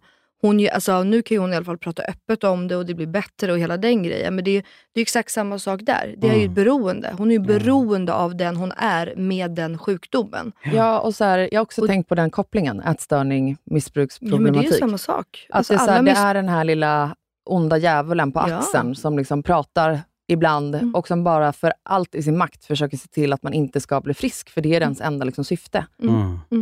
Nej, men så Alltså är det ju. så. Jo, men som jag du tror sa, inte många Dav- fattar det. Nej, jag tror inte att de fattar. Och som du sa David, också, spelmissbruk. Mm. Det är ju inget, jag, tror, jag tror inte i alla fall att det är någon som vill lägga eh, all sin förmögenhet på att bara spela Nej. dagarna långa. Liksom. Men det är ett missbruk. Det är, och det är liksom allvarligt. Man får liksom inte skoja bort det och man får Nej. liksom inte förminska det. Eh, tycker jag. Det är väldigt viktigt ehm, att liksom ta det här på allvar. Och Det var därför jag också frågade mycket om så här, hur föräldrar ska tänka när man märker, nu pratade jag ju bara om alkohol, men man kanske märker att sina barn också spelar eller eh, mycket då generellt, alltså unga tjejer som inte äter. Mm. Alltså att man som förälder, om man har den möjligheten, att man tar tag i det fort innan det går för långt och våga vara benhårda. Mm. Ja. Eh, ja, men så är så. Och hellre då ta in professionell hjälp och så får de avgöra om det behövs hjälp eller inte. Mm. Ehm, Tror du David att så här, ett beroende, Mm. eh, ja, man blir, alltså som om man är ätstörd till exempel, och så blir man liksom friskförklarad och så här. Tror du att ett beroende, alltså om man är en beroende människa så byter man liksom bara fokus. Ja, då är det inte maten längre som är, eller vad det nu än kan vara, spel, Mm. utan då Mm. byts det ut mot eh, att man blir sexmissbrukare. Eller liksom, Förstår du vad jag menar? Ja, jag förstår. Och risken finns väl, så Mm. att säga. Och Det är det som man gör när man behandlar sig, så går man på djupet och hittar sina liksom, triggers på ett, hur, vad det är som gör att man mår dåligt och varför man liksom vill skada sig själv. Mm. Det gör det ju oavsett vad. Så Mm. Det är därför jag unnar alla. För du kan ju också förebygga om man har möjlighet att gå och Alltså, prata med någon och liksom måla upp sitt egna liv liksom, och, och se till att man får lite egen tid och man får lite familjetid och man får ja, men du vet, alla de här delarna och att man ser sig själv. Mm. För det är man måste ju älska sig själv. Liksom. Mm. Det är där det börjar. Mm. Det tror jag också. Oavsett Mm. vad. Och, mm. ja. Nej, jag, så, så absolut, och går man inte till botten liksom, och behandlar, Mm. eh, och, så där, och det är ju inget fult med det. Liksom. Man behandlar ju cancer och man behandlar allt möjligt, liksom, så att, varför inte? Ja, men självklart. jag, tycker, jag tycker att det... Det kan jag ju också säga, alltså att väldigt eh, många eh, alltså vårdenheter fokuserar väldigt mycket på att så här, bli kvitt droger eller bli kvitt alkoholen. Mm. Om ni märker på den som är anhörig till er som lider av ett missbruk, att så här, ja, den går att göra pissprover, den går att göra det här och det här, att den fortfarande inte blir bättre, då tycker jag också att ni ska så här, fråga den som är eh, beroende, om den får hjälp med liksom, den psykologiska biten. Mm. För ibland är väldigt stort fokus på att så här, bara bli ren, bara bli Och det måste ju vara i början också för att man ska kunna arbeta med hjärnan, för att Mm. annars är ju inte den med Nej. i matchen. Man är ju hög. Liksom. Ja. Ja, men exakt. Och det Mm. tar ju några månader innan allt går ur kroppen Mm. och så. Mm. Men jag bara tänker att man som anhörig kan fråga det i alla fall. Alltså Ja. Mm, att den med ett missbruk får hjälp med den psykologiska biten. För det är ju så, jag tror också att det du säger, att det bottnar väldigt mycket i det här, Ja, men psykisk ohälsa, det har Ja. vi pratat om mycket. Mm. eller själva tidigare trauman, Ja, ja, allt. 100%. Liksom. Mm. Man måste ju gå på botten, men först måste det upphöra oavsett Ja. ätstörning eller, eller Mm. om man är, är alkoholist. Vad det än är, Är, så måste det ju upphöra. Eh, det är ju ett beteende som, som man måste liksom nysta upp. Mm. Verkligen. Mm. Finns det något mer som du känner Att, Ja, nej, men jag tycker det var skitbra att ni tog upp det här. Jättekul. Och jag har liksom så någonstans, jag har inte outat det jättemycket, men jag känner mig mogen att göra det nu. Mm. Liksom, och, och, och jag hoppas kunna ha gjort någon skillnad för någon annan som kanske sitter och funderar på, eller vad det än kan vara. Att liksom, jag hoppas att jag har påverkat att ta bort mer stigma kring det. Och, och, det vet och jag. Har. jag skulle precis säga, det kan vi lova dig Ja. att du har. ja, vad Och bra. det är därför vi är så evigt tacksamma ju, Mm. att du ställer upp Ja, Mm. för det här. För att det Självklart. här är ju, man vill ju hjälpa andra också. ja. Och det Ja. är väl det vi förhoppningsvis gör.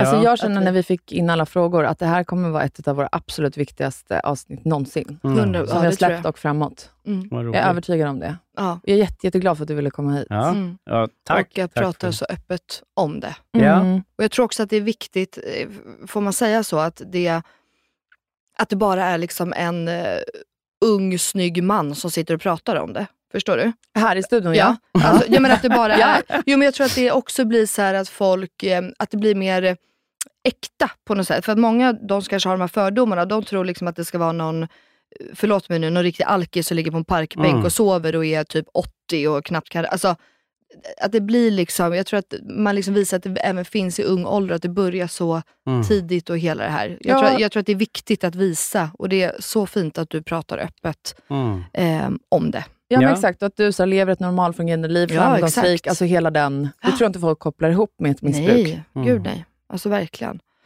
Eh, David, vi är så tacksamma för att du eh, eh, valde att gästa oss. Och det är ju så här nu, ni har ju lyssnat på Inga beiga morsor med mig, det. Melina Kriborn. Mm. Mig, Elinor Löfgren.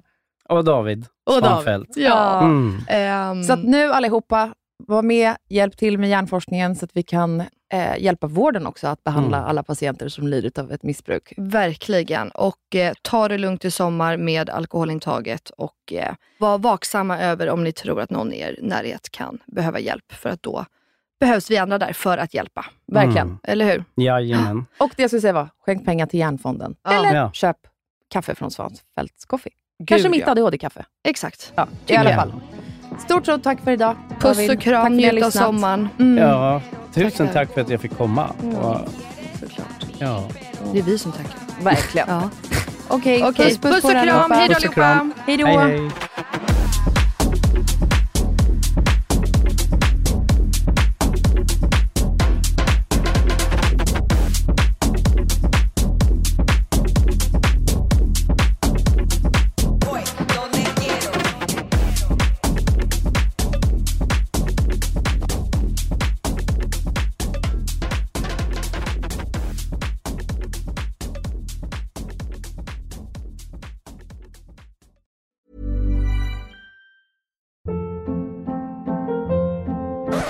Hold up. What was that? Boring. No flavor. That was as bad as those leftovers you ate all week. Kiki Palmer here, and it's time to say hello to something fresh and guilt-free. Hello Fresh. Jazz up dinner with pecan-crusted chicken or garlic butter shrimp scampi. Now that's music to my mouth. Hello Fresh. Let's get this dinner party started. Discover all the delicious possibilities at hellofresh.com. Even when we're on a budget, we still deserve nice things. Quince is a place to scoop up stunning high-end goods for 50 to 80% less than similar brands. They have buttery soft cashmere sweaters starting at $50, luxurious Italian leather bags, and so much more. Plus, Quince only works with factories that use safe, ethical, and responsible manufacturing. Get the high-end goods you'll love without the high price tag with Quince. Go to quince.com slash style for free shipping and 365-day returns. Imagine the softest sheets you've ever felt. Now imagine them getting even softer over time. That's what you'll feel with Bowl and Branch's organic cotton sheets. In a recent customer survey, 96% replied that Bowl and Branch sheets get softer with every wash. Start getting your best night's sleep in these sheets that get softer and softer for years to come. Try their sheets with a 30-night guarantee. Plus, get 15% off your first order at bowlandbranch.com. Code BUTTERY. Exclusions apply. See site for details.